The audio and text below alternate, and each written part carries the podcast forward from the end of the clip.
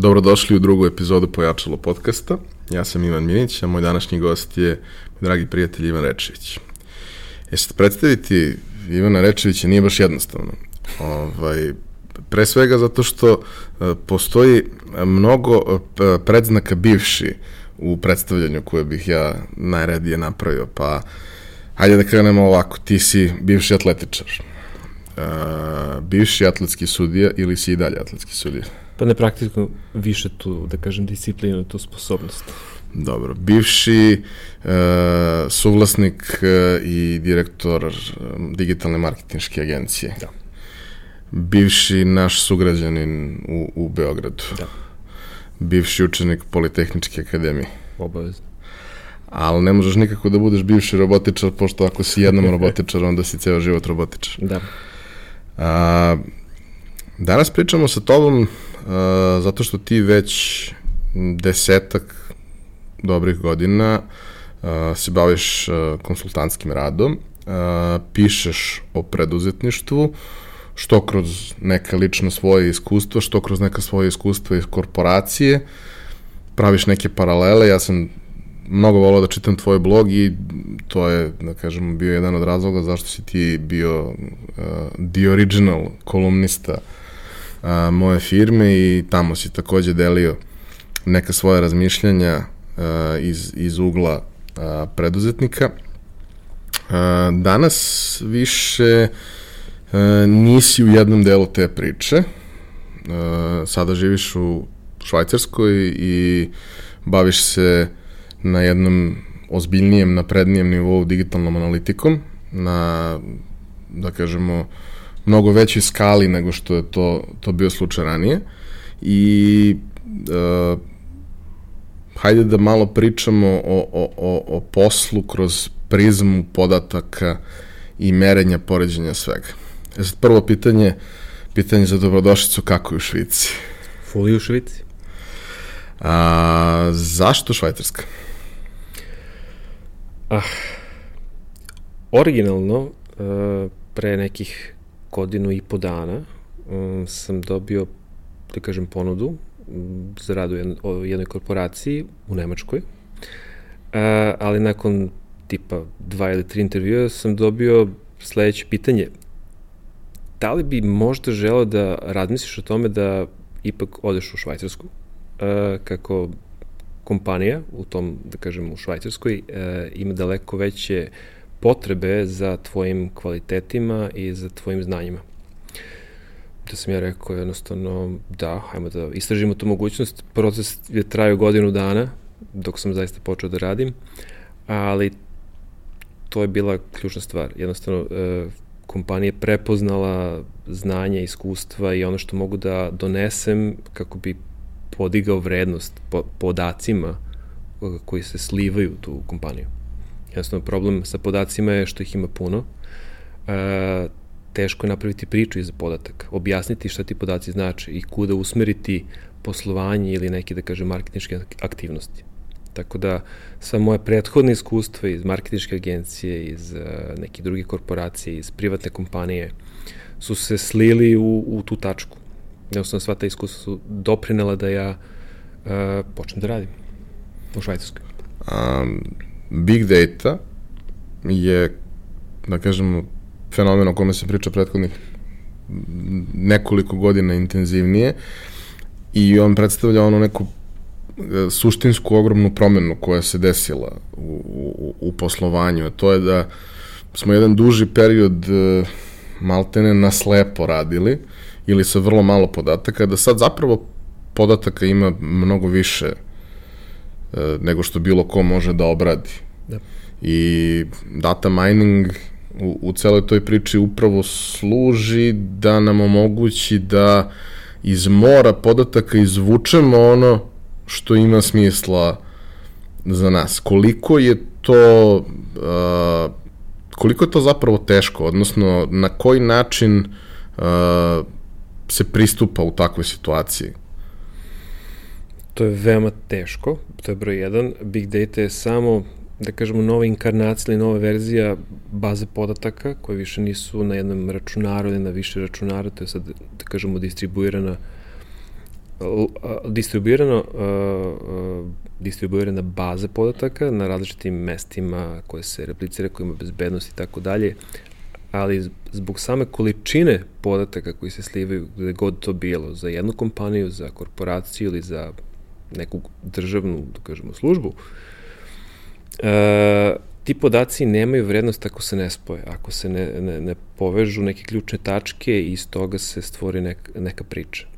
Jednostavno, a, ti podaci jesu interesantni sam, sami po sebi. Svaki deo po, seta podataka je interesantan, ali tek onda kada se spoje u nekim dodirnim tačkama, a, oni mogu da ispričaju priču i mogu da doprinesu nekom boljem biznisu. Mislim, svrha je što nam je sve to poslalo dostupno, skoro na klik, zahtevi dalje puno znanja i puno, da kažemo, mm, inženjere koji tu nešto treba da pripreme, da bi se podaci prvo slili, a onda i povezali.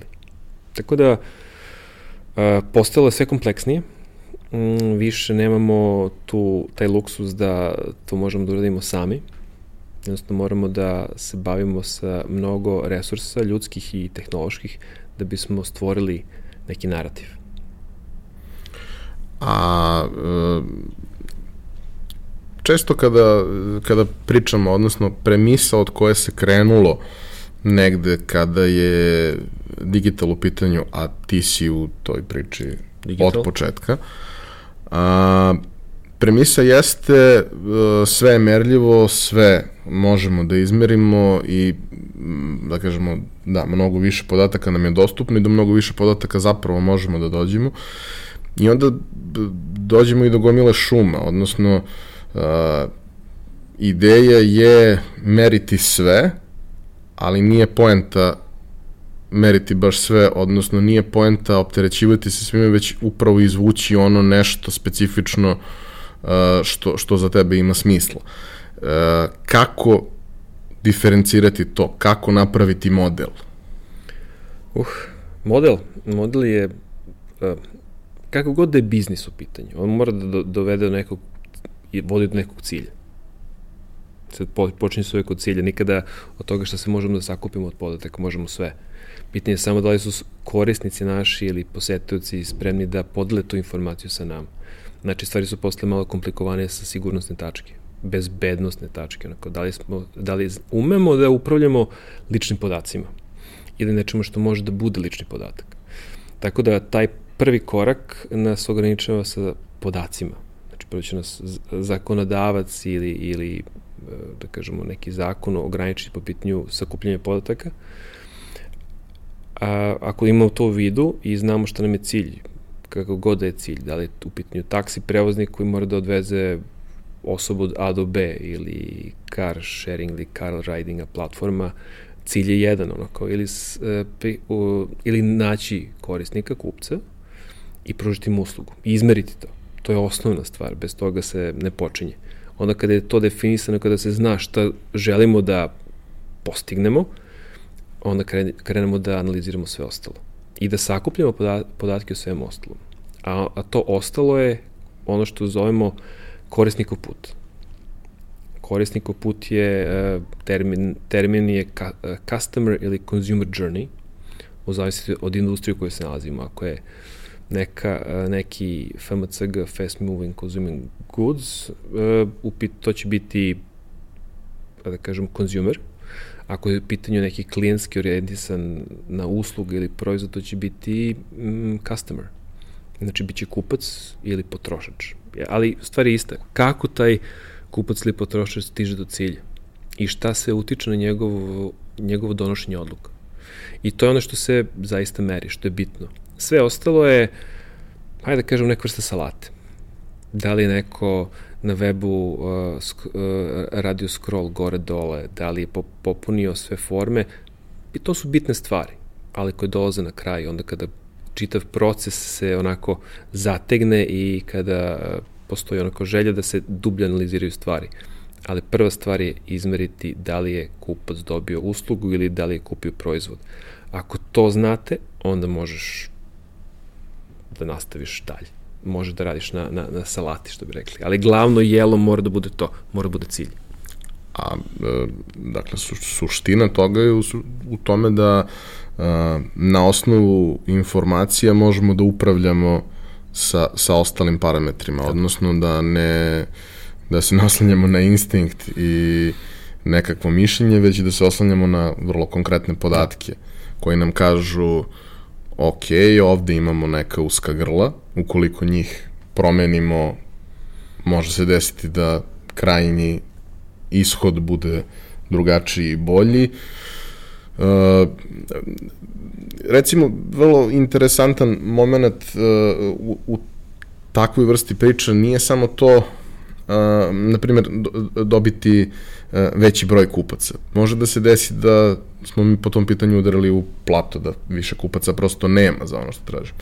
Ali to ne znači da ne možemo da ostvarimo veći profit po kupcu ili veću prodaju po kupcu ili češću prodaju ili da na neki drugi način upravljamo tim što imamo, a da bi to mogli moramo da znamo kako je uopšte došlo do toga koji su bili koraci, u kom trenutku je doneta odluka, zašto možda u nekom procentu negde nije doneta odluka, gde, se do, gde dolazi do osipanja i na koji način možemo to da promenimo. To, to je normalan i svestan i prav, pravi način razmišljenja. I to je glavna stvar gde većina nas greši. Mislim, sve to ima smisla i naravno da je neophodno u merenju. Ali ono što sam primetio poslednjih, u stvari 20 godina, bavljenja i tim IT-em i digitalom i svim ostalim je da a, svi previše razmišljamo. previše razmišljamo o svim elementima biznisa. Ja bih pre čak i tog digitalnog dela prvo postavio biznis na zdrave noge, onako, da li imam dobru cenu, da li imam dobru maržu, da li imam dobar profit sa onim što, o, o, o, sa onim što prodajem. Onda kada znam šta prodajem, uh, ispratim da li se to prodaje i kakvi kanali uopšte doprinose toj prodaji, za početak. Kada to znam, onda ulazim u, ta, da kažem, sitna trevca.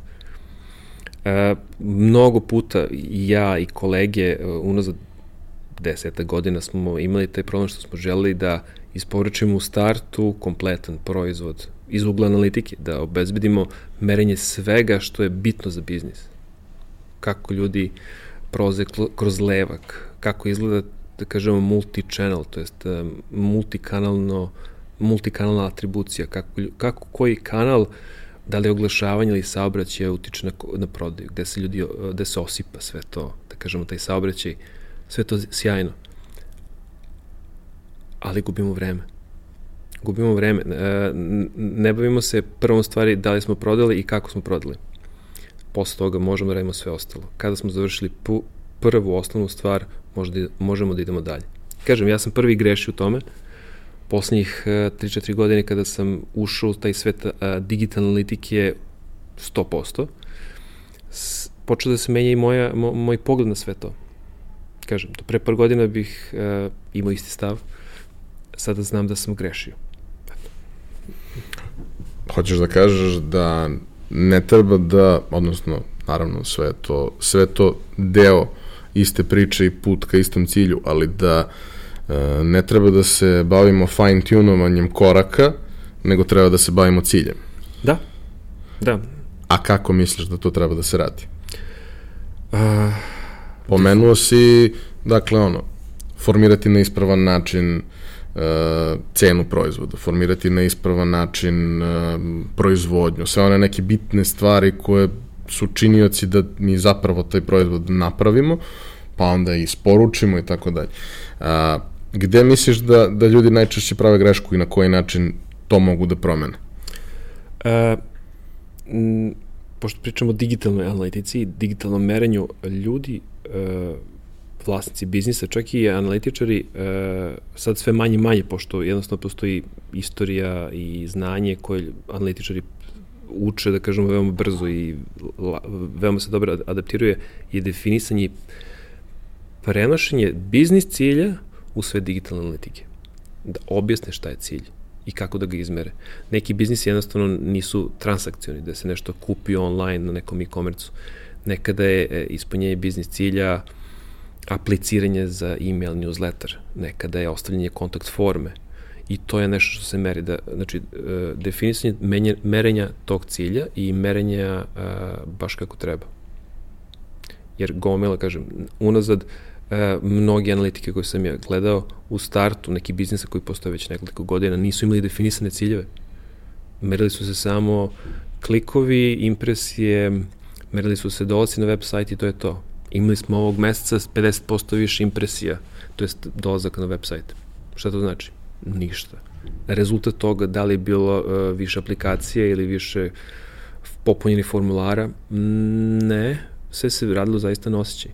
Tako da, sada, u 2019. kada, bih ne, kada bi neki došao novi biznis, ja bih pitao, ok, šta je vaš biznis cilj? I da li ga pratite? Jer ako ga ne pratimo, to je ako ga biznis ne prati, e, i to je interesantno, to se dešava i dan danas, a, počinje sa toga. I onda se nadograđuje sve dalje dalje. Ne, jednostavno, a, neverovatno je koliko malo biznisa pridode važnosti kvalitetnom merenju. Pravom biznis merenju, da kažemo web sajt ili nečeg drugog što je na, digitalnim platformama. To je ono što po meni ključni problem. Jednostavno, prodaje kroz online kanale je 2%, 3%, recimo, može bude daleko više, ali u ovom trenutku niko nema taj pogled u, u budućnost, ono kao ta, tih 3% će da postane 30-40% i da se sada postave stvari na zdrave noge i da se mere prave stvari. A prave stvari su onako prvo biznis cilj, a onda sve ostalo. Sve ono što dovodi do biznis cilja. A da li misliš da je na neki način bitna stvar i čest kamen poticanja a, upravo preveliki fokus na a, rešavanje detalja, testiranje, gledanje da. koje dugme radi bolje, a da na kraju dana kada vam kupac piše čeka tri dana na odgovor na, na svoj mail, jer jednostavno nije dovoljno resursa alocirano na bavljanje time, nije dovoljno resursa alocirano na e, rešavanje konkretnih problema nekog ko hoće definitivno da kupi taj proizvod, ne bi trošio svoje vreme, jer se ljudi previše posvećeno bave možda drugim stvarima koje suštinski da, verovatno će napraviti neku razliku, ali kao možda je fine tuning nešto što se radi kasnije kada sve funkcioniše. Baš tako. Danas Google će vam obezbediti 10 različitih alata koji će vam pomoći u, u razvijenju vašeg biznisa. Znači 10 alata. I svi su divni. AB testiranje, optimizacija sadržaja, optimizacija izgleda web sajta u realnom vremenu. Znači, merenje, e, gledanje saobraćaja isto u realnom vremenu. Znači, divni alati koji su bukvalno, ako možete i konzumirate ono, bukvalno skinete sa, sa rafa, ono, kao u radnji i stavite na web sajt, to će da radi.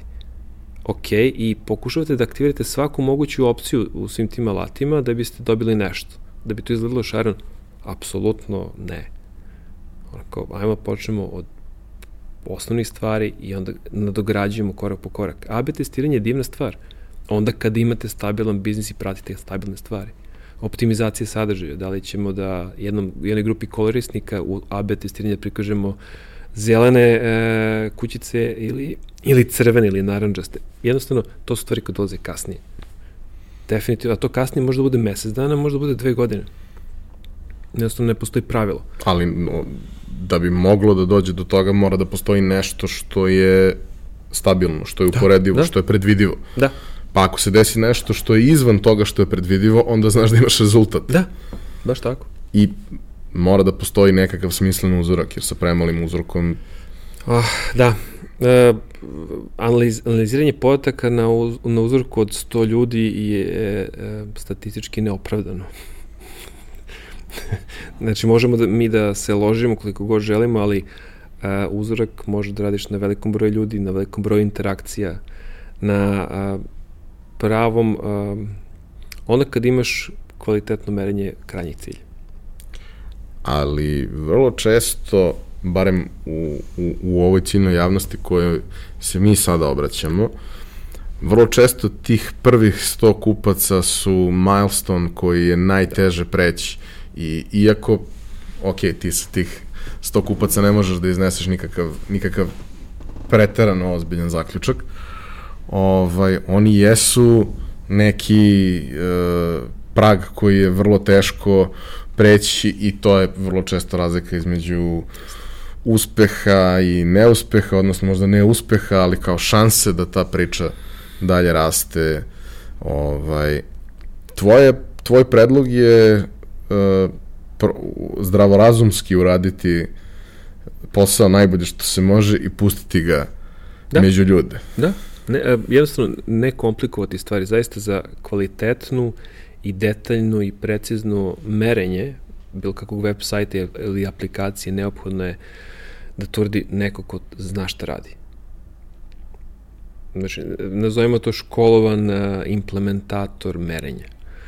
Uh, unazad, znači kada sam ušao u sve digitalnog marketinga, uh, jedini posao je bio stavi ovaj kod i on će da radi nešto, on će da izmeri stvari.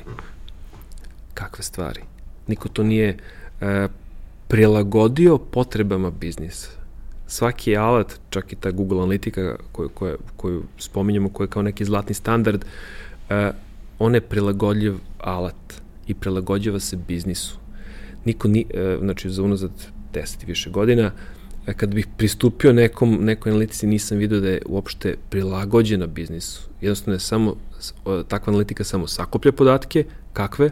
Neke podatke, nije prilagođena biznisu, a alat kao analiti, Google Analitika može se prilagoditi svakom biznisu pojedinačno. I svaki biznis je ono, jedinstven u nekim svojim, da kažem, ciljevima. Postoje grupe, naravno, da li je e-commerce, da li je brand website ili da li je u pitanju neki, neka promo akcija i slično. Svaki ima neka, neka svoja opšta pravila, ali detalji se prilagođavaju. Dobro, ali ako je u pitanju e-commerce, onda su stvari relativno jednostavne u smislu uh, nije, nije linearno, ništa nije linearno, ali prosto a, imaš konkretan put i konkretnu akciju koja je konačan cilj i optimizuješ taj put da bi maksimizovao krajnju akciju i to je ono što, što pokušavaš da izvedeš, to je ono što, što ti je cilj. A, šta zapravo u, u, u, u situacijama gde a, ne postoji a, ubacivanje u korpu, naručivanje, plaćanje karticom kao krajnji cilj, već je u pitanju specifičnija stvar. Usluga, e, kako tu postaviti cilj? Kada je u pitanju nešto što je personalizovano, individualno, nešto što nije e, nek sad one size fits all proizvod, ali nešto što e, ne može da se ubaci u korpu i pošalje, a i dalje ti je važno da pratiš neke stvari.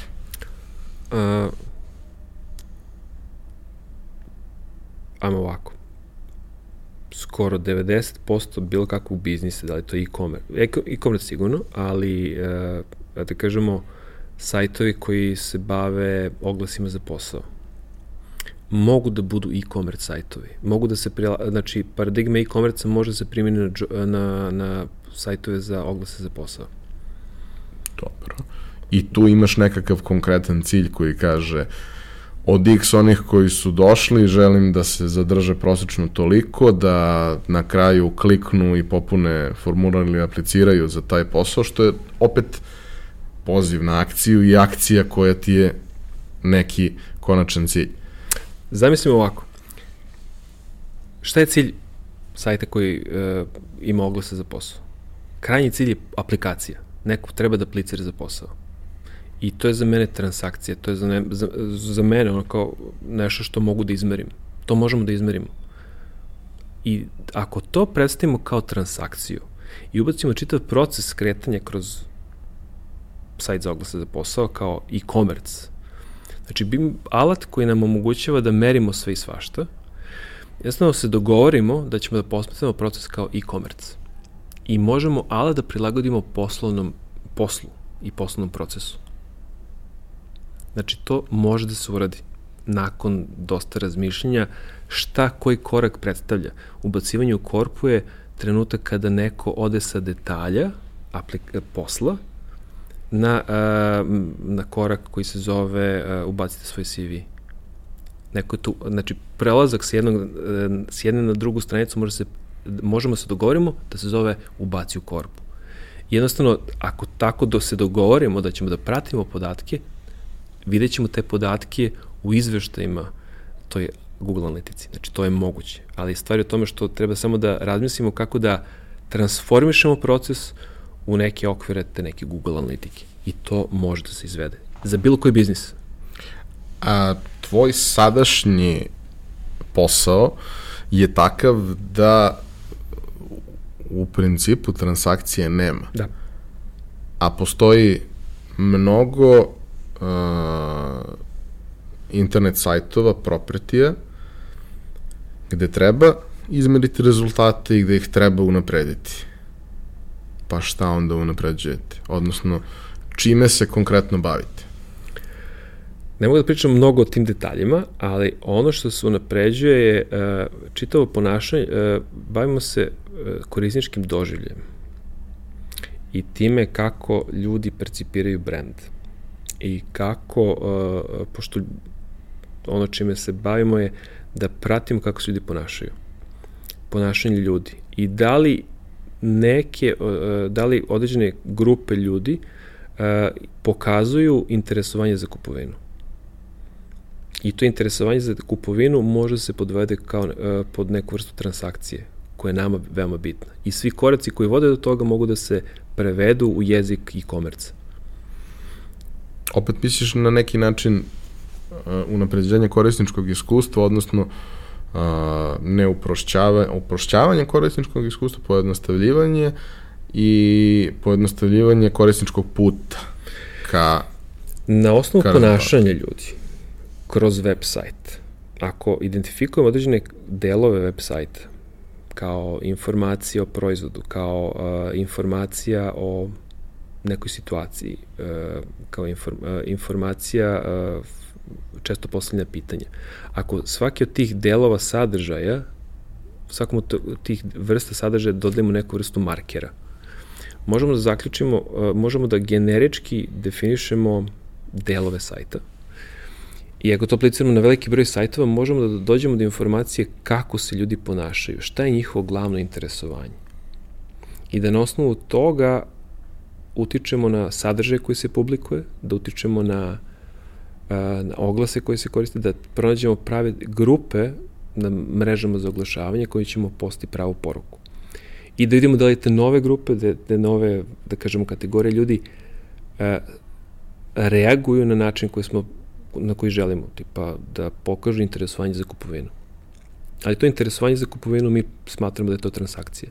I sve u okvir ponašanja ljudi ubacujemo na osnovu toga. Stvaramo na osnovu toga. Uh, izgleda malo kao neka metafizika. Yes, malo. Malo, a, ali u takvom biznisu uh, jednostavno uh, kada ne postoji prava transakcija, moramo da, uh, da se dogovorimo šta će biti transakcija, šta će biti cilj. I ono, kao zajedno se dogovorimo na globalnom nivou, to će biti cilj. I merimo tu stvar. A, hajde da te vratim jedno brat bratu 10 godina u nas. Može 20 dobro, da ne idemo baš toliko daleko. Te vratim jedno 10 godina unazad. Uh, zašto 10 godina unazad? Pa zato što pre desetak i koju godinu više uh, ti si sa uh, svojim uh, drugovima iz škole uh, došao na briljantnu ideju, odnosno došli ste zajedno na briljantnu ideju da uh, počete da se bavite digitalnim marketingom u zemlji u kojoj to nije faktički na nekom iole razvijenijem nivou ni postojalo. E sad, a, prva stvar, ta, ti tvoje školski drugovi, odnosno a, te neke okolnosti školski iz kojih ste došli. A, I ti i ja smo robotičari. Tvoj razredni je meni bio direktor i hvala Bogu Dule i dalje direktor i dalje pravi neke sjajne stvari sa, sa tom školom. A, šta je bilo posebno, ok, ja sam upisao 2000, 2000-te, ti si dakle upisao 91. Šta je bilo toliko posebno sa tim profilom a, robotičara da su svi ti ljudi hajde, malo drugačije razmišljali od ostatka ljudi i napravili samim tim neke prilično sjajne stvari i ti kad analiziraš posebno ta vaša generacija uh, okay. nekih ono potpuno neverovatnih ljudi u čitavom svetu ima koji su u nekom trenutku 91. sedeli u, u istim klupama? Uh, za početak, ja i moji školski drugari smo uh, 12 godina pre ovih 10 godina probali da napravimo nešto. Probali da napravimo uh, biznis koji nije, sla, nije baš slavno propao, ali nije nešto ni, ni, ni doneo. A, I onda smo shvatili da to nije za nas. I onda smo otišli svako svojim putima, onda smo se sreli ponovo kroz nekih 11-12 godina i rekli, ok, svako od nas šta sad radi? Neko se bavi web developmentom, neko se bavi marketingom, neko se bavi infrastrukturom, IT-em. Digitalni marketing će da raste, onako svuda raste što ne bi rastao i u Srbiji. I onda smo seli i krenuli da radimo. E sad, uh, znači 12 godina pre toga smo probali nešto što baš nije uspelo. Probali smo da radimo kompjutersku opremu, sklapanje računara i slično. Što mi je bilo najsvežije posle, da kažemo, srednje škole. Ali čitava priča o, o maržama, o, da kažemo, prodaji, solarno, žiran, uh, devizi i ostalo baš nije nam išlo od ruke, tako da smo trebali da to naučimo. Te, za to ti je potrebno ili iskustvo, ili da neko zažmiri ovaj, na, zažmuri na, na, na jedno oko da bi uspeo u to vreme. Jednostavno, mi nismo imali iskustvo, nismo imali znanje, trebalo nam je godina da naučimo. Tako smo naučili za tih 12 godina, pa smo probali ponovo. Treba je neko da vas nauči da koristite Excel. A, recimo da se naučimo realnosti poslovanja u Srbiji. Ali, ok. Ele, a, a, da, šta je bilo posebno? Pa posebno je to što ti u, ovom, u tom trenutku, te neke 91. godine, baš nisi imao neko sjajno mesto pa ne, za, za život. Mislim, imali smo svakakih problema u državi i oko nas, svašta se dešavalo što nije baš bilo lepo. I kada je došlo vreme za tu neku srednju školu, uh, bar moj pogled, a onda se ispostavilo posle, tokom ovih poslednjih 20 godina kada pričamo među sobom, bilo je to da a, mogu si u to vreme da odeš, da budeš, odeš u ekonomsku školu, da odeš u gimnaziju, mogu si da a, neku elektrotehniku, neka, znači srednja, srednja škola, i sve to izgledalo jednostavno onako bledo, standardno. U tom trenutku robotika je bila u toj nekoj trećoj generaciji, treća generacija se upisivala i to je jednostavno bilo drugačije. Mene najviše privukla ta, druga, ta drugačija stvar. Privuklo me što nisam morao da položem uh, srpski. Polagao sam matematiku i logiku. Znači, polaganje matematike je bilo ništa posebno. Mislim, bilo je malo teže, ali je logika bila ta š, š, bio taj test koji me privukao. Onako, ok, ajmo da vidimo gde smo. I to je stvari bio izazov. Znači, u tom trenutku, ne znam sada kako, kako bilo kasnije, ali znam da je meni ta, ta vrsta prijemnog bila izazov jednostavno, uh, kada sam razmišljao oko da li ću da položem srpski matematiku, matematika, ok, srpski, mm, nisam baš siguran. I kada se pojavila logika, plus je škola bila blizu stana gde sam živeo, neki 100 metara dalje, uh, jednostavno ta blizina, uh, druga, drugačije školovanje, drugačiji predmet, drugačiji prijemni i me sve to izgledalo kao nešto potpuno drugačije i ona kao želeo sam da budem drugačiji od ostalih. I to se isposlao da je stvari bila ključna stvar za sve ostale. Imali smo par njih koji su jednostavno nisu želeli gimnaziju ili u neku stručnu školu, želeli su da budu blizu, da idu blizu školu ili da rade nešto drugačije, potpuno drugačije. Da ne budu samo još jedan, eh, jedna osoba sa nekim standardnim zanimanjem u Srbiji. To ne je ono što nas je postaklo većinu nas. I na kraju dana mnogo nas je završilo širom sveta, na nekim mestima veoma poznatim, nekim manje poznatim, ali veoma uspešnim. Sad ne bih baš da, da spominjem sve nas koji smo prošli kroz tu školu, neke stare generacije, neke mlađe generacije koji ti pripadaš, ali jednostavno mislim da ta nek, biranje da budeš drugačiji i da učiš nešto drugačije u odnosu na celokupan obrazovni sistem Srbije bilo, bila ključna stvar. Ali posebno interesantan moment je zapravo to da e, gotovo niko od nas nije završio u robotici. Da. Nije. Nije. Nije. Ali se svi bavimo na neki način uh, nekim prilično tehnološki naprednim i izazovnim stvarima. Svako u svojoj oblasti. Neko se bavi time u bankarstvu. Da. Neko se bavi time u informacijnim tehnologijama, neko se bavi time u čemu god trećim, ali kao svi smo kao da smo zaraženi nekim malo drugačijim pristupom stvarima. Da, a, to je sigurno. A, ta, a, mislim, puno, puno, puno ime predmet, a, da kažemo, zanimanje je tehničar za robotiku i fleksibilne proizvodne sisteme. I mislim da je stvari možda više težina na tim fleksibilnim proizvodnim sistemima koje nikada nismo videli, za koje smo čuli, a, ali koji nam su nam dali tu ideju o tome da stvari mogu da se automatizuju, mogu da se optimizuju, mogu da se unaprede i mogu da naprave razliku između uspešnog i neuspešnog posla. Bi, mislim, bar je to bila moja percepcija svega, svega toga i jednostavno ideja da a, nešto može da se robotizuje, E, je bila potpuno strana. Svi smo znali za e, japanski roboti, za gomilu nekih stvari. Ali ono što je interesantno, u 2019. godini najveća stvar u bilo kojoj korporaciji je nešto se zove uh, Robotic Process Automation. Znači, posle 20 nešto godina robotika je napokon ušla u mainstream korporacije.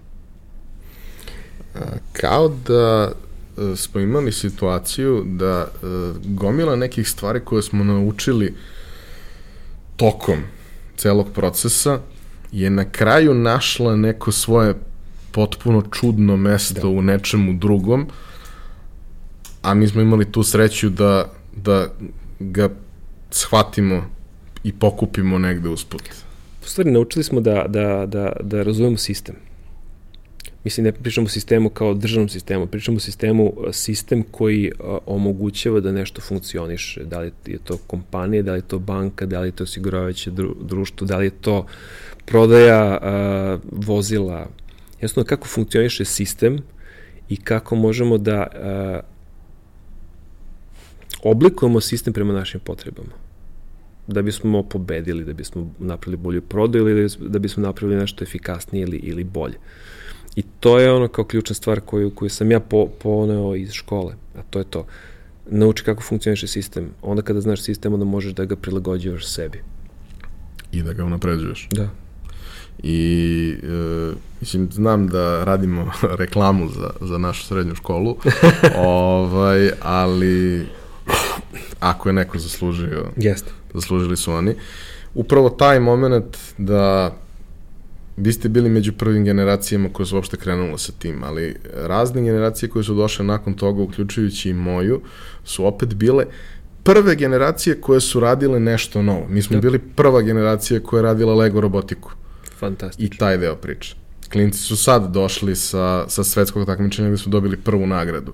Iako, realno, nisu imali ni, ni sve uslove, ni resurse da, da se pripreme za to na najbolji mogući način. Ipak su uspeli da naprave sjajan rezultat.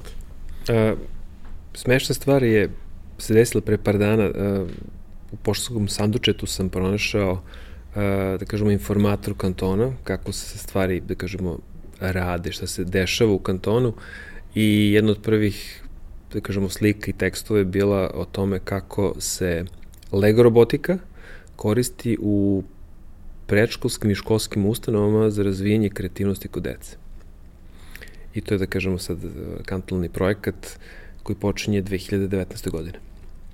Što je na neki način potvrda svega onoga što je e, Politehnika e, radila poslednjih 20 i nešto godina.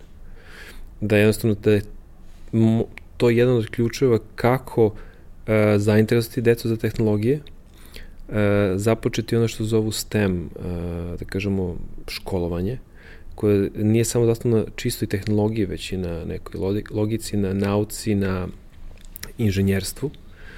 e, osposobljavanju za ovu budućnost koja je već pred nama, znači da se traži e, sveobuhvatno znanje funkcionisanja sistema, inženjeringa, e, nekog programiranja, da, e, da je to bila ključna stvar za, za, za tu školu i za ono što nas je sve privuklo u stvari. Drugač, nešto što je drugačije, što ima vrednost i što će nam sutra ili preksutra dati neku kompetitivnu prednost u, u, u svetu. Kao da smo dobili neke alate za koje baš tad nismo ni znali da su alati do trenutka dok nismo došli u situaciju gde baš deluje sasvim ok da ih primenimo. Da, da, definitivno, znači od, od, od tih tadašnjih računara do, do, do mini robota mašina koje prave automatskih strugova, glodlica i svih tih nekih sistema. To je nešto što nam je dalo da kažem, uvid u to kako izgleda industrializacija, kako izgleda industrija.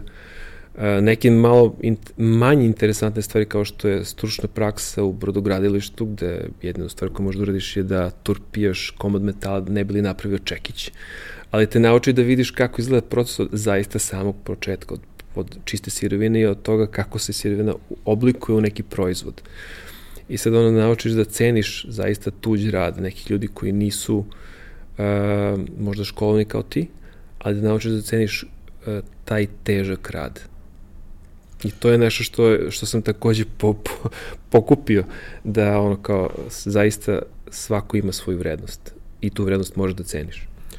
A mislim, jedna stvar koja je opet za, i za tebe karakteristična i tvoju karijeru, a na neki način i, i za mene i to što sam radio prethodnih deseta godina, je upravo taj moment da zahvaljujući poznavanju elemenata cele stvari, načina na koji šta funkcioniše, e, dođemo u poziciju da upravljamo ljudima koji se bave time, jer je neophodno sa jedne strane i da bi bili autoritet, da razumemo njihov posao. Da. I da razumemo šta je zapravo moguće, šta nije moguće, na koji način šta funkcioniše, koliko otprilike vremena treba za nešto i da razumemo kako možemo koji korak u celoj priči da unapredimo, gde postoji prostor za unapređenje i na koji način je moguće napraviti to unapređenje. Jeste. E, ono što je mene zaista puno pomoglo, to je da te, te godine, te početak 90-ih je bio uh, zlatno doba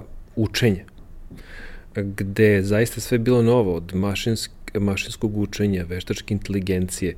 To je sve već posle nekoliko godina, ali smo imali mogućnost da dotaknemo tu teoriju, da dotaknemo uh, časopise, da dotaknemo uh, 3D modeliranje, uh, arhi, uh, da kažemo projektovanje AutoCAD-u, uh, programiranje, znači gomila, gomila tehnologija koje su danas, posle nekih 20 nešto godina, veoma specializovane. Znači sada inženjer koji se bavi veštačkom inteligencijom ili mašinskim učenjem, on je zaista fokusiran samo na to i jednostavno nema širu sliku. Ono što je u stvari ključna stvar koju, koju ja vidim je da uh, kada si mlad, kada si u školi, imaš mogućnost, imaš svo vreme ovog sveta. Nemaš toliko obaveze koje možda imaš kad imaš porodicu, uh, i sve, ide, što ide u porodicu, imaš vremena da dotakneš toliko stvari. Ne možeš da ih shvatiš u tom trenutku šta znači, kako sve to zaista funkcioniše kao veliki sistem, ali da iskoristiš to vreme da absorbuješ što više možeš znanja. Jer će ti to znanje e, pomoći da razumeš te sisteme ispred kojih će se naći u bilo kojoj industriji. Jer jednostavno za poslednjih 20 godina stvari su se standardizovale e, mnogi procesi koji su tada postojali su postali daleko jednostavniji e, u smislu da se ono kao vidiš ova čaša se pravi postoji ono kao e, abstrahovano je abstrahovano je abstrahovana je proizvodnja malo ljudi zna kako to zaista funkcioniše ali ako e, kao mlada osoba se posvetiš absorbovanju i posmatranju procesa i učenju kako stvari funkcionišu, bit će ti lako, lako da pristupiš bilo čemu što se stavi ispred tebe u nekoj budućnosti. Lako ćeš da, da se prilagodiš i lako ćeš moći da pomogneš specijalistima da se pomere levo ili desno. Hoćeš da kažeš da u suštini ni jedno znanje nije suvišno, naravno ako umeš da ga postaviš u nekakav sistem da. svoj. Da, apsolutno. Mislim, uh, ja u, ne, u svojim, da kažem, projektima i u nekim poslovima koje sam radio, sam koristio znanja koje su došle iz potpuno desetog ugla nekog. Znači, imali smo prilike da sarađujemo na Evropskom prvenstvu atletici. Uh, ali ne na sportu, već u prezentaciji informacije na atletskom događaju, što je disciplina za sebe. Niko od nas nije školovan za to, ali ono što znamo je su kako rade računari, kako izgleda produkcija nekog događaja. Znamo da želimo da uprljamo ruke, što bi rekli da uđemo u, u borbu i da pobedimo u njoj i jednostavno prihvatimo svaki izazov na tom mestu. Iskoristili smo tada sva moguće znanja iz prošlosti. Produkcije, slike, tona, videa, uh, prezentacije informacija u nekoj drugoj formi. Da, i rešavali smo probleme da.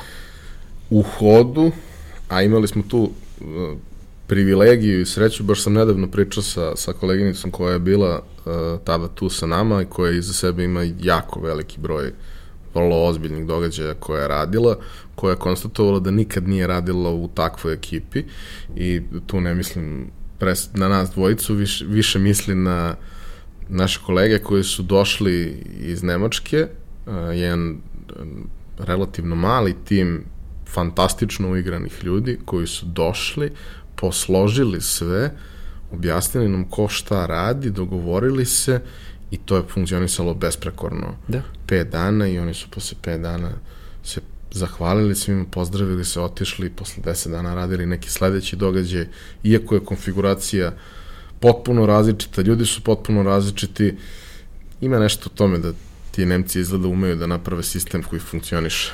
Ima iskustva, to je broj jedan, a broj dva, a, ono što je naša vrednost lokalnog tima bila to da smo pronašli prave ljude. I ti ljudi koji su radili na takvom događaju, a, ne postoji šare, šarenija konfiguracija ljudi koji smo izabrali. Od, da kažemo, babica, ali zaista babica, preko inženjera fona, mada i dalje ne znam kako FO može da proizvodi inženjere, ali dobro, do, da kažemo, atletskih trenera a, preko inženjera u fabrici piva. Znači, apsolutno šareniš ljudi, ali koji su spremni da uđu u, izazov, da urade svoj posao kako treba i da dopuste da upravljanje neko njima na nekom drugom jeziku, uh, prema nekim drugim standardima, jednostavno uh, mi smo učili, pronađemo prave ljude, da ih obučimo da urade pravu stvar i da ih prepustimo upravljanju uh, profesionalcima. I mi na kraju smo dana uradili profesionalno svoj posao. Ali to je sve sistem. Sistem kome moraš da se prilagodiš i da pronađeš ljude koji će na sličan način da se prilagode. Da se vratimo na pokretanje sobstvenog biznisa. A, svakom pokretanju biznisa postoje mnogi izazovi. Onaj izazov s kojim ste se vi suočili u startu je da ulazite u nešto novo, gde imate predstavu šta želite da radite, ali ne znate baš tačno kako će sve to funkcionisati. I takođe, vrlo važan izazov, a to je iako su u pitanju prijatelji, ulaziš u biznis sa partnerima. I koliko god vi negde bili uh, slični, razumeli se, poznavali se, zapravo nikad ne znaš kako će sve to da izgleda nadalje, jer partnerski posao, što je više partnera, to je kompleksnija stvar, uh, podrazumeva da svako uradi svoj deo, koga ne mora baš uvek da bude svestan. Da, vidi ovako. A, meni bilo pokretanje bilo kakvog biznisa sa partnerima je kao brak.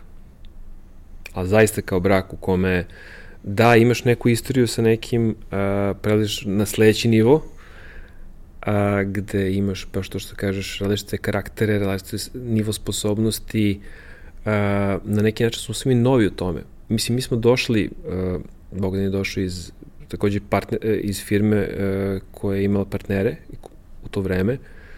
Uh, želeo da e, istraži no, no, nove, da kažemo, biznis modele i novi biznis. Srđan je došao iz marketinške agencije. Ja sam došao iz neke korporacije, iz nekog mog biznisa koji sam započeo godinu dana ranije. A, naravno, sve je bilo novo. Ono što, što sam započeo kao op, započeo priču o braku, a to je da znamo se, znamo sposobnosti, znamo koliko smo ludi i koliko možemo da isporučimo stvari. Naravno, imamo ideju kako da to obličimo neki proizvod koji ćemo prodati krajnjem kupcu, ali ono na što možda nismo bili spremni je da na to koliko smo zaista različiti. I ono što nas je održalo je u stvari bila ta, taj moment poštovanja i prihvatanja te različitosti. Jer i ono što nas je malo kočilo u početku, meni nije bar bilo jasno uh, gde se završava nečija odgovornost. Tako da smo prelivali odgovornosti sa jednog na drugog. I to nas je malo onako, ne kočilo, pravilo je ne, nekada smetnju nekoj komunikaciji, ali to se ispegla, to se nauči. Kao u braku, ono, kao naučiš šta, gde su prave granice, ono, kao naučiš da napraviš i kompromise i da doneseš prave odluke u tom trenutku. Ali kako izgleda to kada uđeš u priču i nisi, da kažemo, baš 100% e, sve stavio na 100 i to ti je poslednja opcija i ako to ne uspe, sve je otišlo do džavola. Nije baš takva situacija, ali da, postoji ogromna odgovornost i treba da napraviš nešto ni iz čega. Ali ne samo nešto ni iz čega, nego ti je alat da to napraviš nešto što niko ne razume.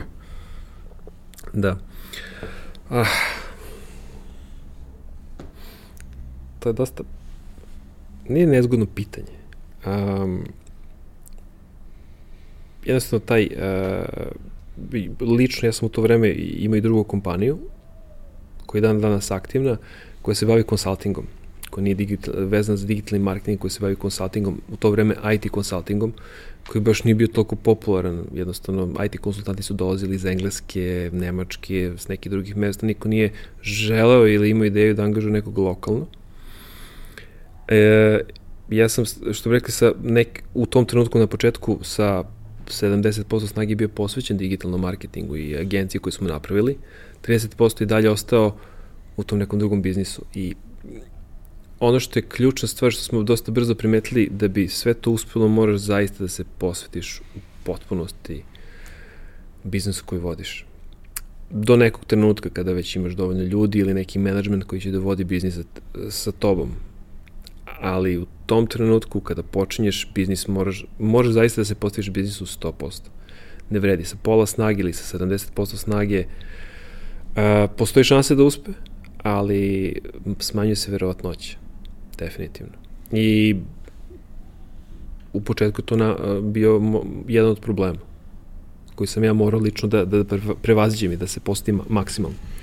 A kako je izgledalo kako su izgledali pokušaj da oblikujete u proizvod nešto što ljudi ne razumeju, odnosno na koji način ste pokušali da predstavite to što radite, kako ste tražili prve klijente, kako ste došli do njih, kako je izgledao uh, taj sam a, proces i upoznavanja i pregovora i e, kako ste prevazišli to da ste vi neki čudni ljudi koji su došli da pričaju o nečemu što niko ne razume?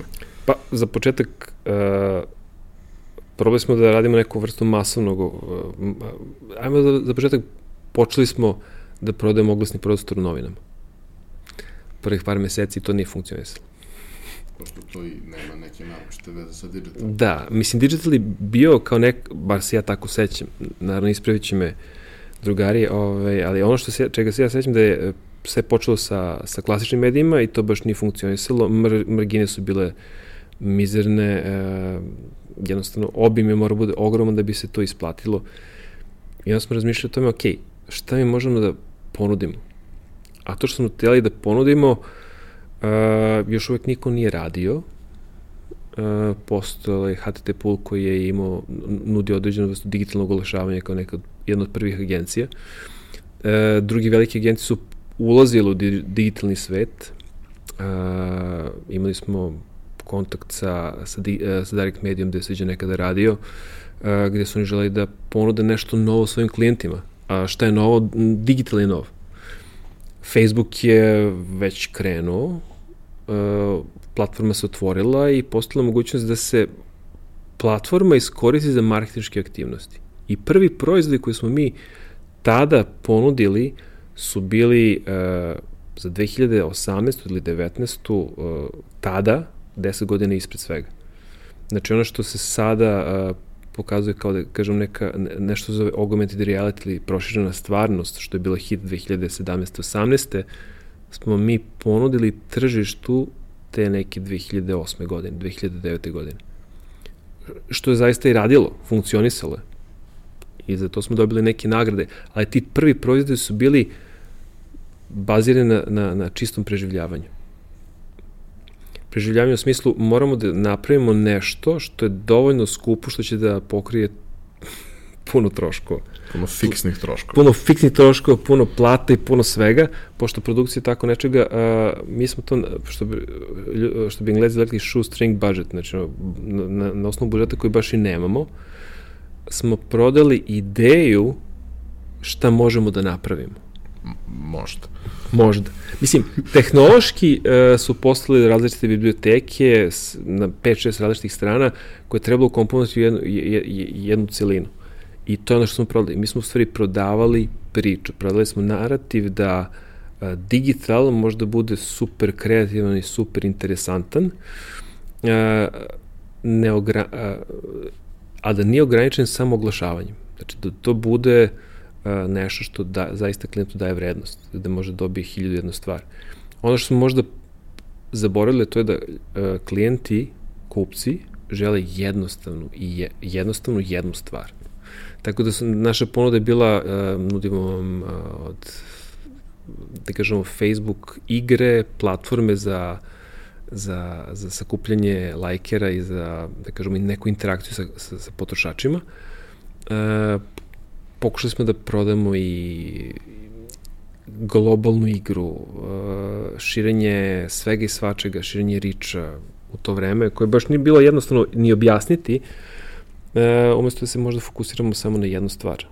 Vi imate igru ili imate uh, proširenu stvarnost na Facebooku i to je to. Sve o svemu, oblikovanje proizvoda je bilo zastavno na pukom pre preživljavanju. Da to bude veoma dobro upakovano, i da bude skupo. I da bude dovoljno interesantno da se o tome priča. O, da, ali to smo, za to smo bili sigurni da možemo da izvedemo sa, sa oglašavanjem i sa promocijom i u, u to vreme su postale kompanije koje su na malo, ne na siv način, ali da onako po znako pitanje načina omogućavaju da, da do, doprete do velik, veliki, širokih narodnih masa. Ali sa druge strane, osim što su korisnici e, pričali o tome, delili to je apsolutno napravilo ogroman efekt, ali onih prvih, pr, pr, prvi broj ljudi jednostavno uh, se dobija ili na masovno oglašavanje ili koristeći spam. Ali e, poseban segment i aspekt je upravo uh, efekat koji je to proizvelo u industriji. Da. Odnosno, uradili ste jednu kompleksnu, drugačiju stvar u odnosu na to šta se inače radi. I odjednom su svi znali da tu postoje neki novi ljudi koji rade nešto što nije baš uobičajeno i ok, možda nisu svi klijenti po automatizmu hteli nešto tako, ali postojali su klijenti koji su hteli nešto tako i koji su hteli da rade sa nekim ko, ko razmišlja na taj način. Da. Bilo to vreme, uh, jednostavno klijenti su želi nešto novo to jest uvek su marketing menadžeri želi da izađu s nečim novim pred e, upravni odbor ili pred svoje menadžere i tražili su nešto novo. I to je bilo, da, kažem, neko zlatno vreme, 2008. 9. 10. A, još uvek ta ekonomska kriza koja je krenula te neke 2008. se nije toliko osjećala. Po, počela da se osjeća, ali ponovo a, postoje, novac u kompanijama koje, a, koje treba da bude investiran. I sve to novo jednostavno postoje velika potražnja jednostavno smo iskoristili tu potražnju da ponudimo to nešto novo. E, ali vi ste napravili uh, kompleksnu, komplikovanu, skupu stvar, njom ste napravili neki rezultat, to je bilo super, ali uh, jedan takav sistem kod nas, kakav ste pravili, nije mogu da živi od takvih stvari, zato što ja. toga nema mnogo, to je nešto što se povremeno dešava da. i to je sjajno i sa neke lične strane i, i, i, i ja mogu da kažem da je to nešto što meni mnogo znači kad imam prilike da radim na nekom takvom projektu, jer kao mi se bavimo ovim da bismo radili neke neobične, čudne stvari koje lude, drugi ljudi lude. ne rade i da bi provaljivali kako funkcioniše nešto što postoji razlog zašto drugi nisu probali da provale kako funkcioniše. Ali to nije biznis. Nije. Nije. Biznis je ljudi, proces, tehnologija. Znači, treba ti ljudi, treba ti definisani procesi, treba ti tehnologija, treba ti pono, ponovljiv biznis. Treba ti nešto što će da e, donese novac na sto i da nahrani ljude. I da je od toga... Svakog meseca. Svakog meseca. Svakog meseca, mislim, mi smo u nekom trenutku narasli neki 20, 24, 25 ljudi, što je velika obaveza, što je velika odgovornost kad imaš odgovornost prema, prema toliko ljudi, kada je osjećaš, kada zaista razmišljaš o tim ljudima, onda nije jednostavno. Onda zaista moraš da debelo razmišljaš kako ćeš da usmeravaš biznis, kako ćeš da proizvodiš usluge ili proizvode koje ćeš prodavati. I to je možda jedno od naj, najbitnijih stvari biznisa. Kako ste vi to, u kom smeru ste uopšte krenuli da radite i šta su bili, šta su bili ti proizvodi koje ste odlučili da, da kažemo, plasirate kao nešto što, što će da vam bude core business? A, imate smešna situacija oko, da živo se sećam tog trenutka kada smo filozofirali o svemu tome. Imali smo trenutak kada, to je vremena da razmišljamo i da filozofiramo. A, probao sam da to definišem kao, uh, hajmo da razmislimo o, o digitalnom marketingu kao McDonald'su. Znači, McDonald's, uh, nemam nikakve veze sa, sa McDonald'som, ali McDonald's ima standardne obroke koji se pravi na standardan način, upakovani su im određenu cenu, hajmo da napravimo standardne digitalne proizvode. Ko, I plus uh, ti proizvodi moraju da budu merljivi. Znači, nismo, se, nismo bili u poslu da kažemo, agen, marketinške agencije koje prodaju ogl, puko oglašavanje, tipa samo kupovinu impresije ili slično, nego smo se bali digitalnim performance marketingom, znači donoš, e, donošenjem rezultata kroz digitalni marketing. Šta možemo da ponudimo? I to je bila ključna stvar koja je u stvari definisala sve naše proizvode. I dugi niz godina je agen, agencija bila jedina koja je radila performance marketing. Marketing zasnovan na rezultatima. I kada imate, i to je bukvalno bilo stajanje na crtu bilo, u bilo kom piču, bilo kom tenderu i slično.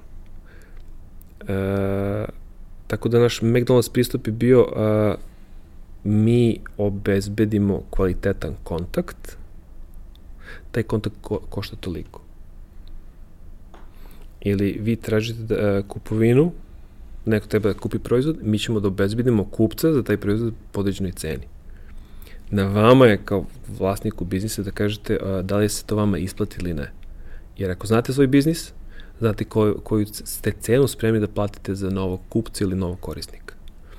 I to je stvari izdiferenciralo i klijentelu. Tako da smo imali prilike da radimo sa klijentima koji žele rezultate a onda kada radiš sa klijentima koji žele rezultate, onda ne je nebo granica.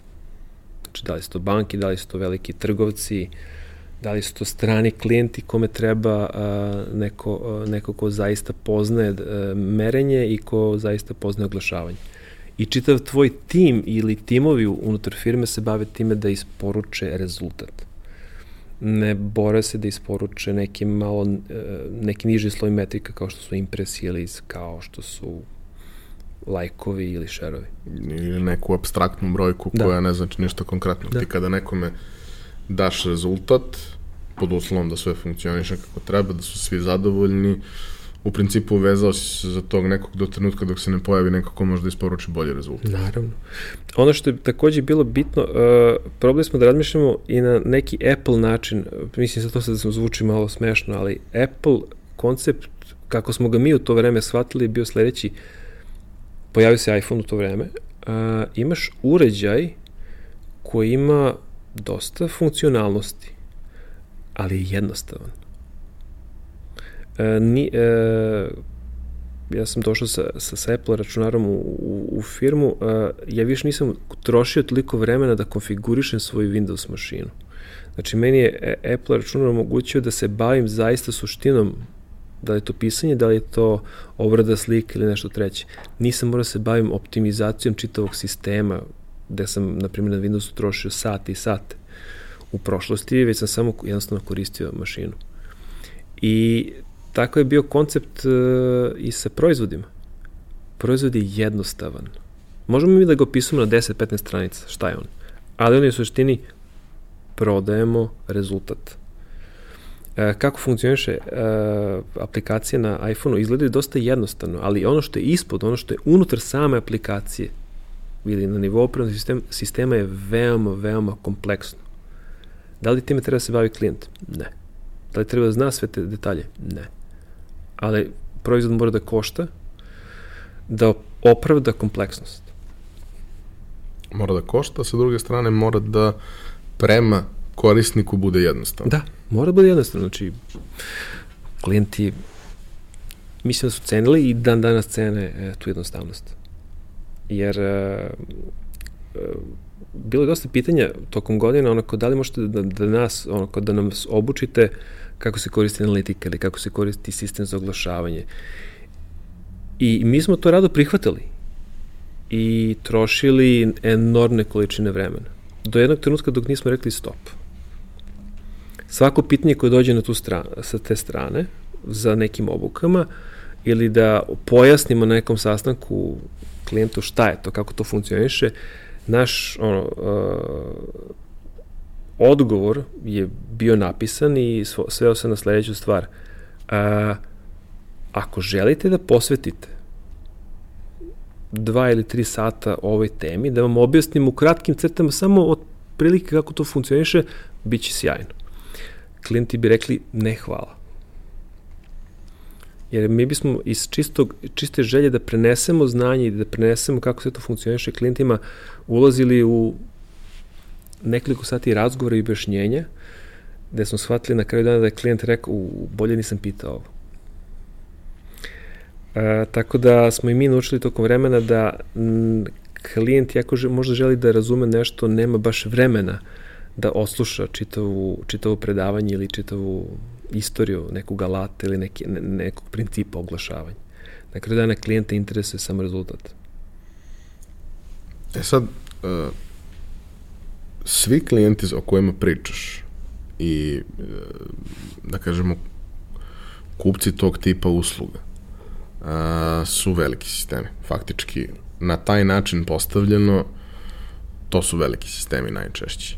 Uh, na koji način neko ko je mali može da krene u tu priču, na koji način može da uči, odakle treba da se edukuje, jer postoji taj ono magični trenutak da ti moraš da dođeš u poziciju da napraviš to da dovoljno poraste i ojača da može da uključi nekog eksterno ko je dovoljno veliki ili možeš da ideš i iz ugla da od starta planiraš da ti je to trošak, obaveza i da sa tim uđeš u celu priču, ali ako nisi u poziciji da to radiš, šta možeš da uradiš sam i kako možeš da uradiš sam. Pitam te to i iz razloga što u onog, onog trenutka kada si se specializirao, uh, krenuo si da se, da se usavršavaš, pored ostalog i u Google ekosistemu, postao si prvi Google trener na ovim prostorima i da kažemo, dosta ljudi koji se danas bave analitikom su ju učili od tebe. I a, tada je postojalo to kao put, ali i u tim situacijama i u mnogim drugim, e, idealan scenariju je da neko ko dođe već ima predstavu o čemu se radi, već poznaje principe i može da od tebe pokupi nekakve finese i, i, i nekakve, e, da kažemo, tajne zanata, da može od tebe da dođe na nekakav, nazovi, masterclass i da unapredi to, a kako da dođe do ovih prvih stvari, od čega kreće? Jeste sve to dostupno, ali prosto koje bi bilo, koji bi bio tvoj savet kako da krene? Moja velika tajna je u sledećem. Uh, ja nikada ne stignem do 100% znanja o nečemu.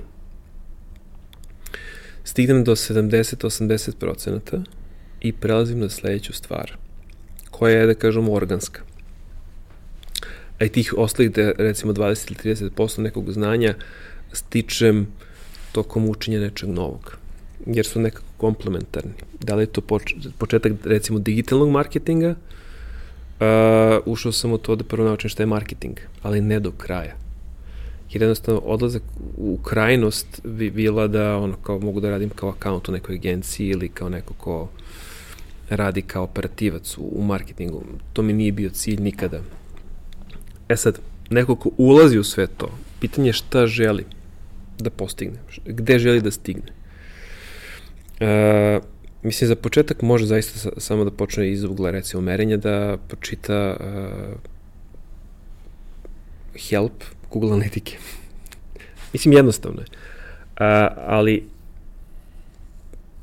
još uvek nisam na, naišao na, na, na, na jednostavno objašnjenje kako, zbog čega sve to postoji i zbog čega, a, koja je svrha svega toga i zbog čega se merenje vrše i bukvalno ono kao suštino svega nisam pronašao, pa sam napravio sobstveni trening koji sam ponudio prošle, pretprošle godine i uh, imao sam neku, da kažem, klijentelu koja je bila na tim trenizima, da sam zaista porobao da u takom nekom master klasu prenesem ta osnovna, ne samo osnovna znanja, čak i napredna znanja, kako pristupiti tumačenju podataka i sakupljanju podataka. I sve što smo danas pričali se zaista svodi na to poč, uh, pronađi šta je, šta je biznis cilj i na osnovu toga će ti se otvarati, da kažemo, uh, poglavlja šta trebaš da naučiš. Znači da izabereš u kom si biznisu, da izabereš cilj. E, na osnovu toga ćeš već znati uh, kako treba da izgleda tvoja analitika znaćeš kako treba da izgleda tvoje oglašavanje, šta ti je ključno u merenju oglašavanja. I, kažem, za početak, šta je cilj? Jer na osnovu toga ti dolazi sve ostalo. Hoćeš da kažeš da prvo moraš da znaš zašto, a da kad znaš zašto, onda ćeš naći kako. Da. Naći ćeš koje su opcije, pa makar i sa tim da nekoga pitaš, ali znaš zašto ga pitaš. Da, i ne ideš u savršenstvo, znači u savršenstvo će te se samo odvesti u, u, u mnogo, mnogo potrošenog vremena a, i gubljenja fokusa, šta je zaista pravi cilj. Mislim, ja sam iskreno išao u, u tu besmisao da znam sve potpuno 100% i onda sam shvatio posle par puta da zaista nisam ja izgubio vreme, ali sam ga potrošio na mestima gde nisam baš trebao da ih trošim gde, gde nisam trebao da trošim to vreme. Onda sam svesno odlučio da a, za svakoj oblasti ono, naučim 60-70 procenata i da ostatak prepustim vremenu da, da, da, da dođem do tog nekog savršenstva u nekoj oblasti. Ali da prelazim iz oblasti u oblast i da, da, da, da tako stičem znanje. Jer onih poslednjih 10-15 procenata, za to ti treba baš puno vremena. Da, nesrazmerna količina vremena. Baš tako. I previše nekih detalja. I to je onda što, što vidim i da kažemo i to analitici sa, sa, sa nekim ljudima koji ulaze u sve to, žele da implementiraju sve, da to bude savršeno. Ajmo ono da koristimo zdrav razum. Ne, počni od elementarnih stvari. Počni od elementarnih stvari, izaberi gde hoćeš da stigneš i onda ćeš naći način kako da stigneš tamo u suštini svo znanje koje ti je neophodno je dostupno, samo naravno zahteva beskonačnu količinu vremena da do njega dođeš. Da.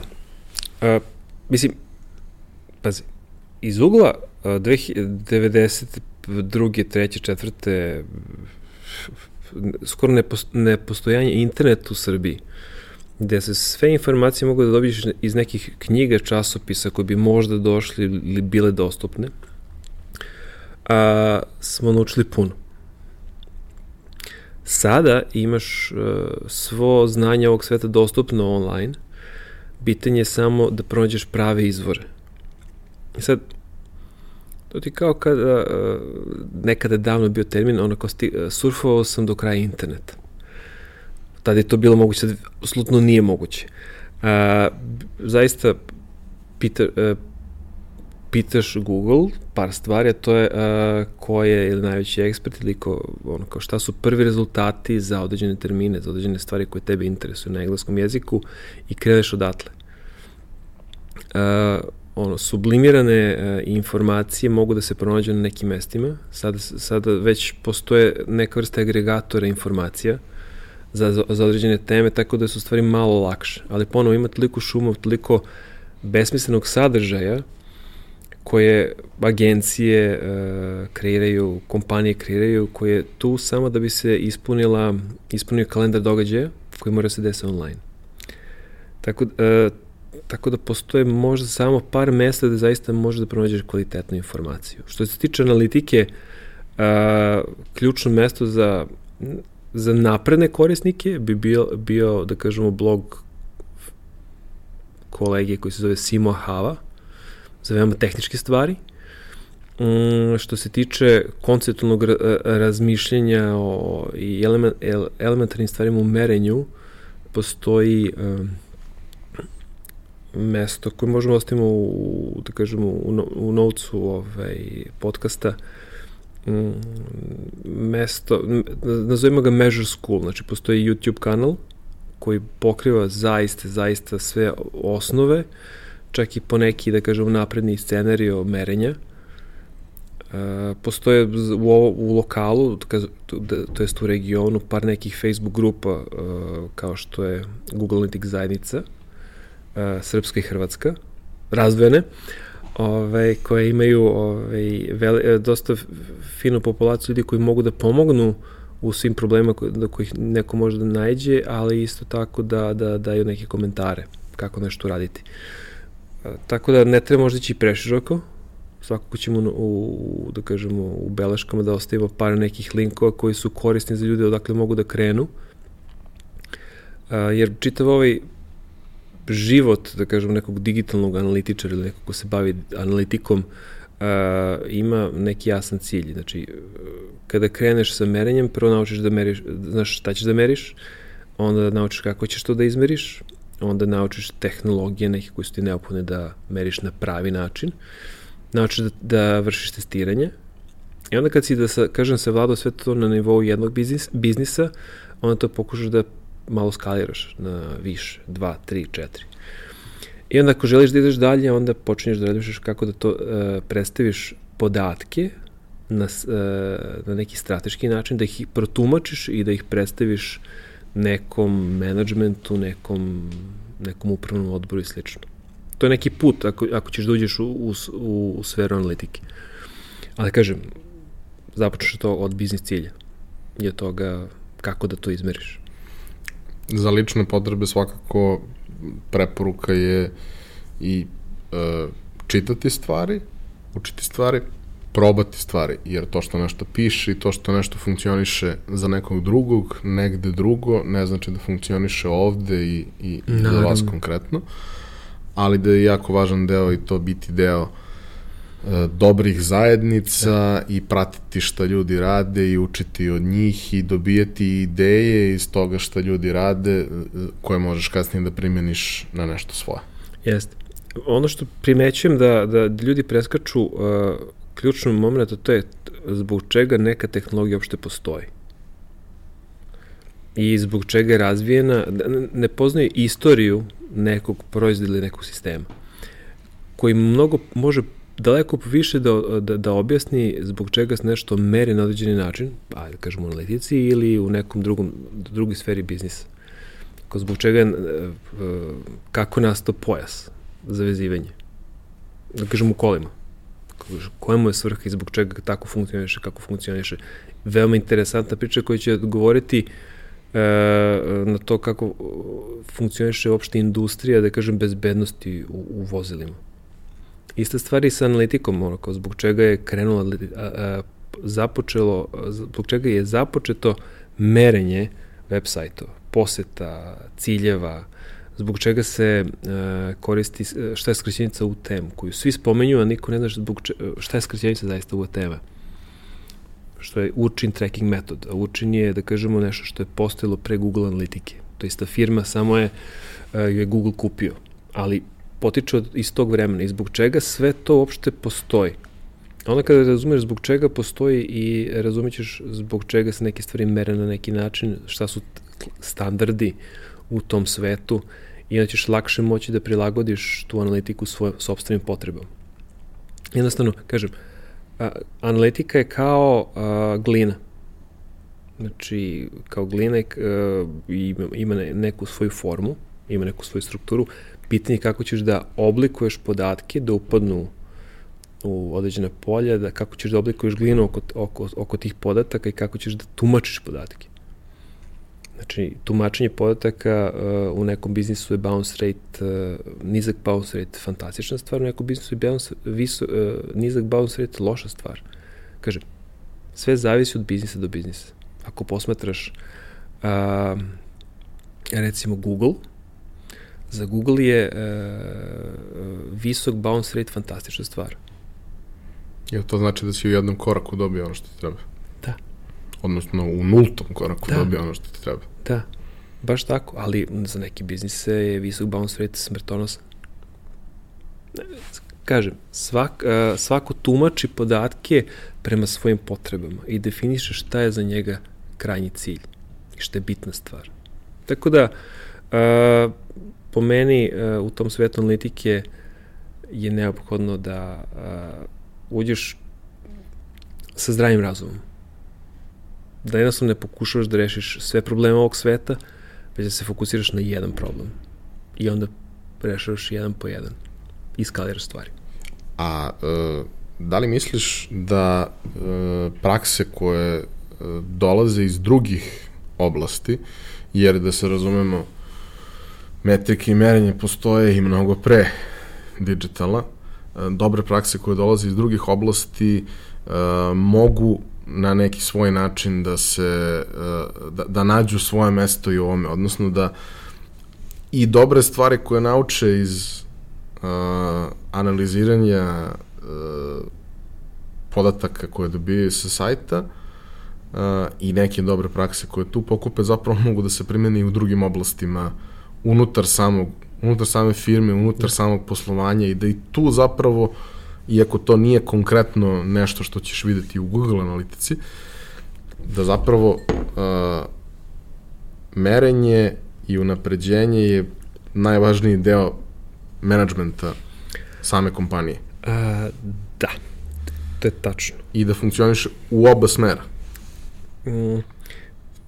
Ova industrija je stara 20 godina, recimo 20, skoro 22-3 godine. Nažalost, e, niko još uvek nije pronašao pravi način kako da proda priču o kvalitetu podataka i priči koju imaš u podacima nekom menadžmentu. Jer se uh, podaci iz te neke Google analitike ili digitalne analitike posmatruju kao uh, mali signal ili mala, mala, mala informacija koja je u nekoj meri bitna za biznis. Ono što nedostaje su ljudi koji mogu da prenesu podatke, brojeve, te neke indikatore performansi u neku smislenu priču koji će da razume generalni direktor ili, ili CEO kompanije. Znači, nedostaje ljudi koji znaju da ispričaju priču. I to je jedan od mojih, da kažem, možda glavnih poslova. Da naučim ljude da tumače podatke i da to ispričaju sa nekim normalnim jezikom, u nekom, u nekom normalnom okruženju koje na, na interesantan način. Jer je to ono što je glavna stvar koja nedostaje u maloj firmi, u, u ono, biznisu koji ima tro, troje ljudi, uh, to je ključna stvar. Niko ne vidi vrednost tim podacima. ja ih vidim i to znanje pokušam da prenesem svojim kolegama i, i, i menadžmentu i upravnom odboru. Ali podaci su tu i oni su ključni za, za unapređenje biznisa, za razumevanje kako kupci, potrošači koriste informacije, kako kupuju, zbog čega kupuju i na osnovu tih informacija da se unapredi sledeći korak, sledeći mesec, sledeći kvartal, sledeće godine. Da se planira unapređenje, kontinualno unapređenje biznisa. Ti podaci postoje. Samo trebaš da znaš da ih pročitaš i da ih tumačiš u svom, da kažem, iz svog ugla. Za kraj bih te samo zamolio da uh, mi i našim slušalcima i gledalcima daš neke preporuke. Uh, šta pročitati kada hoćeš da uđeš u sobstveni biznis? Sad ne pričamo uopšte o analitici, analitika tu više nije bitna, ali uh, kao neko ko je mnogo volao da dođe u Huge, između ostalog iz biblioteke koju ste imali, ovaj, što je negde pokrenulo i mene da ja formiram isto, a, šta bi preporučio ljudima koji nisu iz priče, hoće da uđu u priču, jednu ili dve knjige od kojih treba da počnu, pa će ih one već povući dalje. Pa imam knjigu koju, po, koju sam poklonio svim svojim partnerima u biznisu. Uh, relativno je stara knjiga uh, i napisao je Felix Denis. Um, on je, kažemo, preduzetnik, engleski preduzetnik, koji nikada nije završio, da kažemo, nikakvu višu školu, nešto, da kažemo, ima završenu srednju školu. Uh, bio je vlasnik Maxim magazina, gomila nekih časopisa, Computer World, jednostavno čovjek pre, uh, preduzetnik iz Engleske, koji se mogao smatrati u, ne, u jednom periodu ono, kao jednom od naj, među najbogatijim ljudima u Engleskoj, je napisao knjigu koja je u stvari takozvana antiknjiga, zbog toga što je naslov je kako da budete bogati, ali u stvari je antiknjiga kako, zbog čega ne trebate da budete bogati, to je kako da razvijete biznis i na, i na šta trebate da obraćate pažnju. How to get rich. To je knjiga koju sam poklanjao i poklanjam i dan danas ljudima koji hoće da uđu u biznis. Da se bave sobstvenim biznisom. E, I jedna mala paralela, jedna od koleginica je indijskog porekla,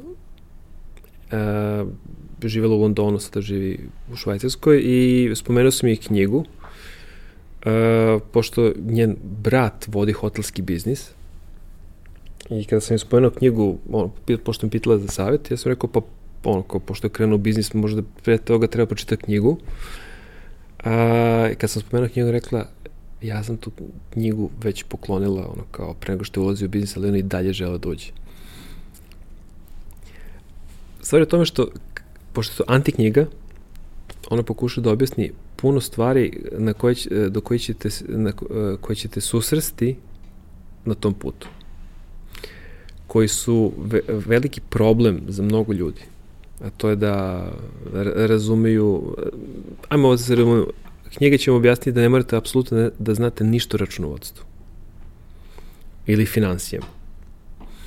A, da morate da naučite da poštujete ljude da budete prijatni prema ljudima, ali da biste zaista uspeli nekada morate da budete i loš čovek. Ne loš čovek, ali da budete možda malo neprijatan. Tako da put do tog, da kažem, velikog uspeha i velikog novca nije tako jednostavan i nije preko noći. I da postoji neki šest načina kako može preko noći neko da postane bogat. Koji nekada uključuje čak i ono kao brakorazvodnu parnicu.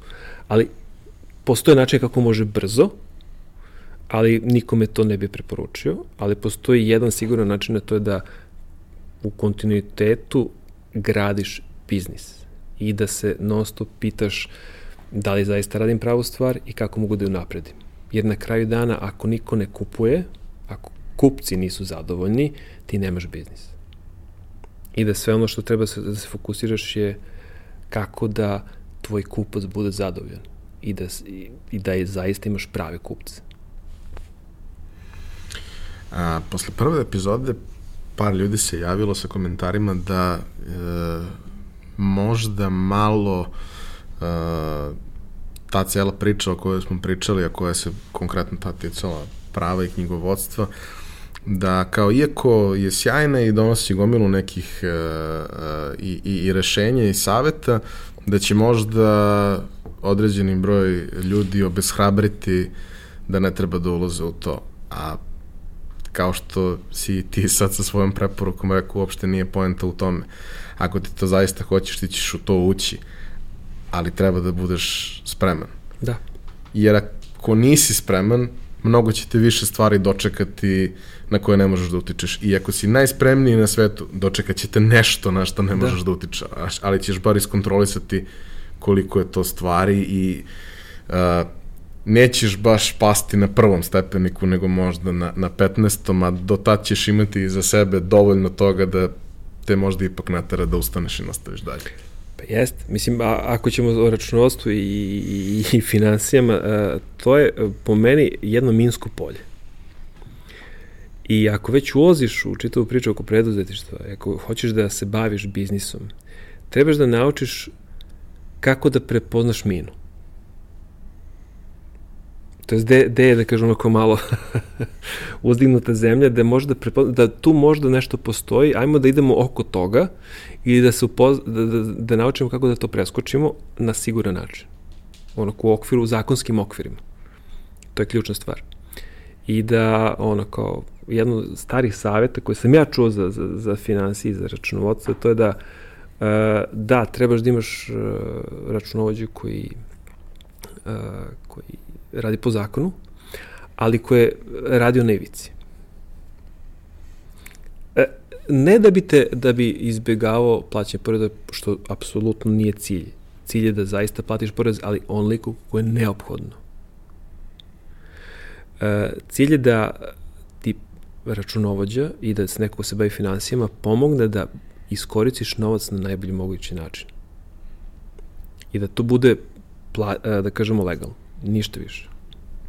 A da bi došlo do toga, mora da mu bude dovoljno stalo i mora da bude dovoljno posvećen i da razume da. šta radiš i da imaš komunikaciju koja je takva da uh, na neki način budeš otvoren. Jedna od stvari koje su meni rekli kada sam počinjao je da uh, pred porodicom možeš da imaš tajne, ali pred knjigovođom ne smeš. Da. Jer svaka tvoja tajna je potencijalni problem, a ako si dobro izabrao, I dovoljno, dovoljno, uh, da, dovoljno rano kažeš šta želiš da uradiš. Kad kažem dovoljno rano, kažeš ja želim sledeće godine da uh, imam na, ne da račun, nego da imam dovoljno, dovoljno sredstva za investiciju u to i to. Ili za dve godine želim da firmu prodam. Ili da imaš neki cilj sa samim biznisom, ne prema klijentima, već da imaš ideju i cilj sa samim biznisom. Moj cilj prvog dana sa svojim partnerima u marketičkoj agenciji uh, koji sam javno iznao je bio ja ne želim da se ovime bavim do kraja života i da mi ovo bude posao na kome ću da steknem penziju. Želim ovaj biznis da prodam kroz 5, 6, 10 godina, kako god bilo, ali želim da, da ja želim da investiram vreme, energiju i sve ostalo u ovaj biznis, ali želim da ga prodam. Što se na kraju desilo? Ne za tih 5-6 godina, desilo se nakon 10, ali to je bio moj cilj. To jest, ušao sam u sve to sa jasnim ciljem šta želim da uradim. Isto sam to komunicirao i sa računovođem i sa ostalim. To je ta iskrenost prema svima. Hvala ti na gostovanju. Uh, nadam se da, da ti je bilo lepo. Uh, slušalci i gledalci, uh, ja dočekamo vaše komentare i uh, sve vaše ideje koje se tiču tema, pitanja ovaj, i, i potencijalno uh, novi gostiju, vas molim da nam pošaljete preko sajta ili preko društvenih mreža. Hvala još jednom što si bio. Hvala tebi.